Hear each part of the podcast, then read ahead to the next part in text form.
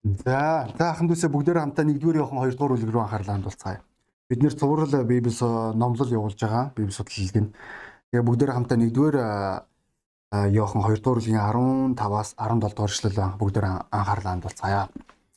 Би одоо шинэ орчуулгыг унших гэж байна. Засварлсан. Энэ орчуулга.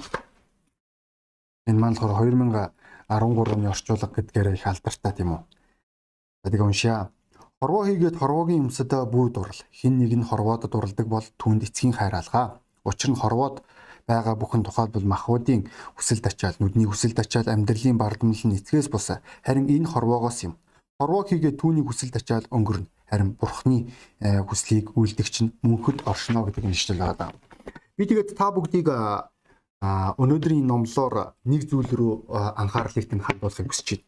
Энэ маань юу вэ гэвэл бидний гаргаж байгаа шийдвэр бидний гаргаж байгаа алхам өнөөдөр нэн тэргуунд а ирээдүйтэй үгүй юу гэдэг рүү бид нэр анхаарал хандуулах хэрэгтэй болов. А өнөөдрийн энэ номлын үндсэн бэкграунд зурган дээр Пизаны цамхаг байгаа. Тэгэд энэ цамхагыг олон хүмүүс мэдэх болов тийм үү? Энэ цамхаг маань эхнээсээ баригдах тэр мөчөөсөө эхлээд ерөөсөө суурь маш буруу хөрсөн дээр байсны улмаас энэ самхаг маань ерөөсө 10хан жилийн дотор 30-аас 40 см доошогоо суусан байна. Тэгээд явцын дунд одоо энэ 800-ны туршид энэ замхаг хажуу тишээга 8 метрийн налуугаар хазаасан. Анхандаа уг нь бол энэ замхгийг хонх байрлуулах гад одоо бүх юмыг одоо яг анхааруулж янз бүрийн байдлаар тэр тухайн үед хонхыг ашигладаг байсан тийм үү. Тэгвэл яг ийм байдлаар барих төлөвлөгөөтэй байсан ч гэсэн эхнээсээ эхлээд буруу тооцоолсны улмаас энэ цамхаг маань цаашаага өөрийн зориултаа хэрэгжүүлэх чадваргүй болсон байгаа. Тэгээ одоо зүгээр л үзмжийн төдий э, байгаа цамхгуудын нэг.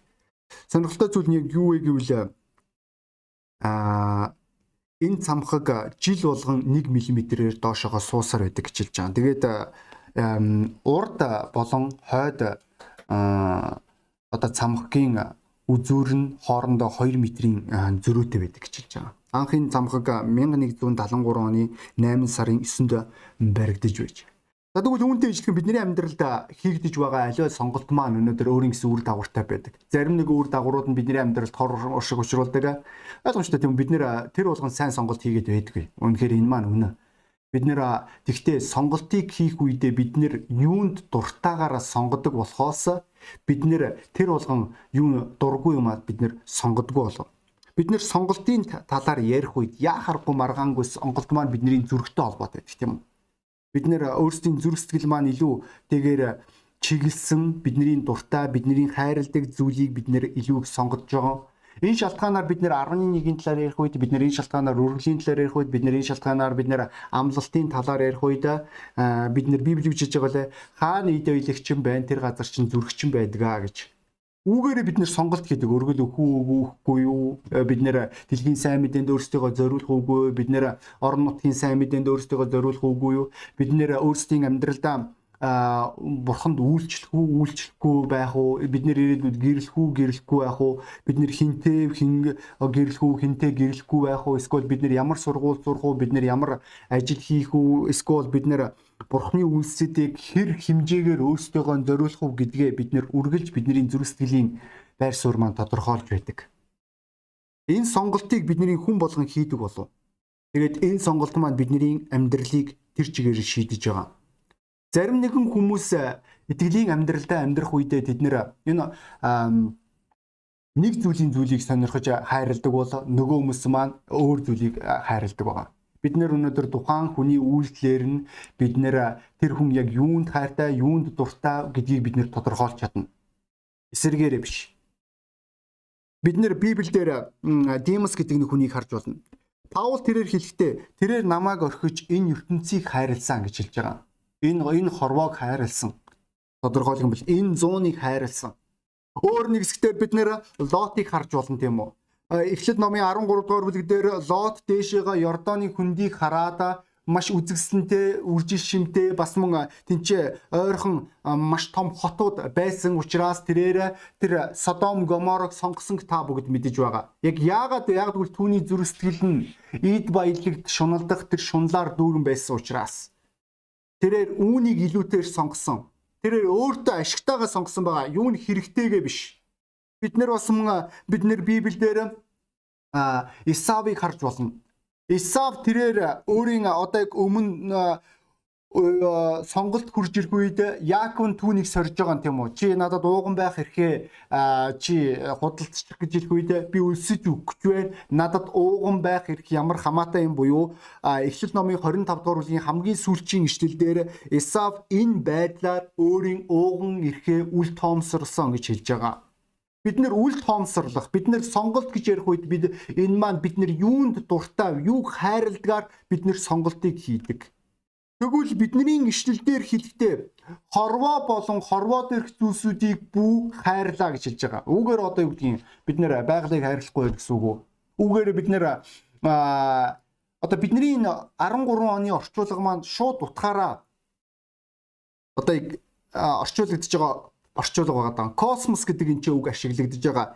Энэ үг маань энэ энэ дэлхийг одоо энэ ертөнцийг ертөнц ойлгож байгаас даханд үсэ. Бурхан энэ ертөнцийг бүтээсэн.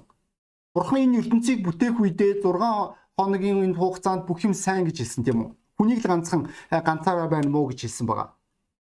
Бусад зүйлсүүдийг э, тэнгэр, газар, ус, далаа, жигүүртэн шууд араатан амьттай бүгдийг бүтээгээд ургамал модыг эзэн маш сайн байна гэж хэлж байгаа.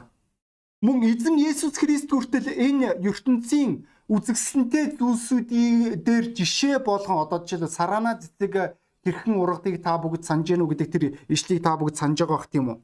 Тэгвэл үүн дээр хүртэл эзэн Есүс Христ энэ ертөнцид байдаг зүйлсүүдийг ярьсан. Тэгвэл хорвоо гэж ярьж байгаагаар яг юу яриад байгааг бид нэр ойлгох хэрэгтэй болов энэ тэргүүнд ихнээс нь. Яг юуны талаар яриад байгаа вэ? Өнөөдөр бид нэр итгэгчнэр энэ ертөнцид байгаа зүйлсүүдийг үзэн ядах ёстой гэсэн үг. Тэгвэл одоо бид нэр гэрээсээ гарах хэрэггүй гэсэн үг шүү дээ. Яг бол бид нэр энэ ертөнцид амьдарч байгаа. Бид нэр энэ байгальд агаарын мөртлөө амьсгалж байна. Бид нэр агаарыг үзэн ядах ёстой гэсэн үг. Бид нэр усын ууж байна. Бид нэр усыг үзэн ядах ёстой гэсэн үг. Бид нэр мал адгуус тижээж байна Энэ бүх зүйлсүүдээ бид нэр үзэн ядна гэдэг маань үнэхээр утгагүй ойлголт гэдгийг та бүгд ойлгож байгаа. Бурхан үүний талаар яриад байгаа юм биш. Зүгээр л энэ хэсэг дээр энэ ертөнцийн бурхангүй энэ хорвоо ертөнцийн талаар ярьж байгаа. Энэ маань зүрлийн утгыг илэрхийлж байгаа гэдгийг ойлгож байгаа болов. Йоханны одоо яг энэ хэсэг дээр хэлж байгаа зүйлийг нэг автор хэлэхдээ энэ бол хүн хүн төрлөختөнгийн нийгмийн тогтолцоо худал хуурмаг зарчимдэр байгуулагдсан доод хэрэгцээ рүү илүү их тулгуур одоо яг өргөлтөө авсан хуурамч үнэлэмж болон хуваачилсан байдал дээр оршиж байгаа ертөнцийн талаар хорвоо ертөнцийн талаар ярьж байгаа гэж хэлж байгаа. Энэ маань юу гэсэн үг вэ? Бурхангүй амьдралын талаар ярьж байгаа. Харин үндэстнүүдийн амьдралын сонголтын талаар ярьж байна. Одоо яг хуурамч бурхтын талаар ярьж байгаа. Энэ маань маш чухал болов. Энэ шалтгаанаар Матай номын 6 дугаар бүлгийн 24 дугаар эшлэлдэр хэлэхдээ хоёр эзэнт хинч үйлжилж чадахгүй гэж хэлсэн. Нэгийг үзий ядаж нөгөөг нь хайрлах болон нөгөөг нь нөгөөд нь илүү их шаргуу байж нөгөөдгийг үл тоомсорлох болно гэж хэлсэн тийм үү. Тэгээ цаашаага Библи хэлэхдээ мөнгө болон одоо яг момонд та эзэнт та нар зэрэг үйлчилж чадахгүй гэж хэлж байгаа.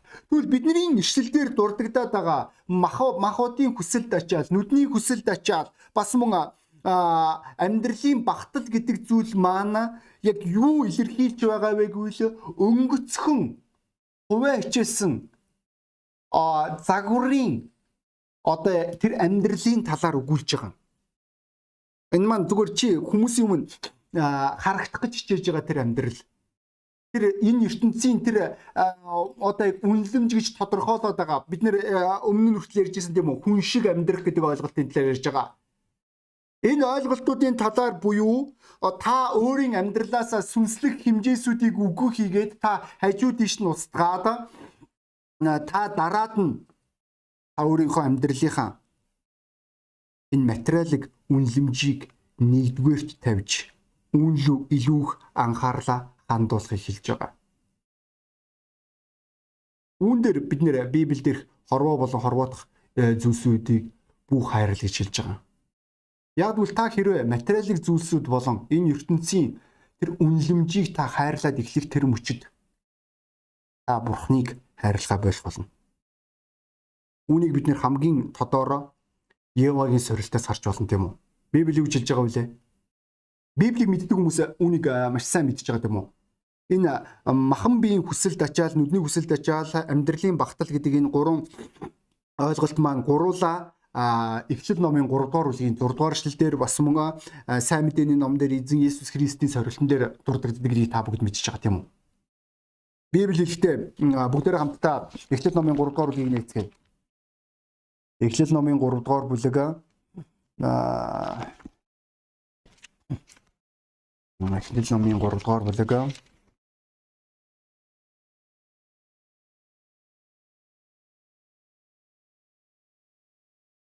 Тэгээд эмэгтэй тэр модыг хартал уг мод нь хүнсэнд сайн махан бие өсөлтчээл нүд булаан нүдний өсөлт ухаан тэлмээр амьдралын багтлын талаар ярьж байгаа. Хорхоо өргмээр сайхан харагдсан тул жимснээс нь авч идчихэ. Тэр хамт байсан нөхөртөө өгч тэр нь ч мөнгө идвэ гэдэг ишлэл байгаа даа.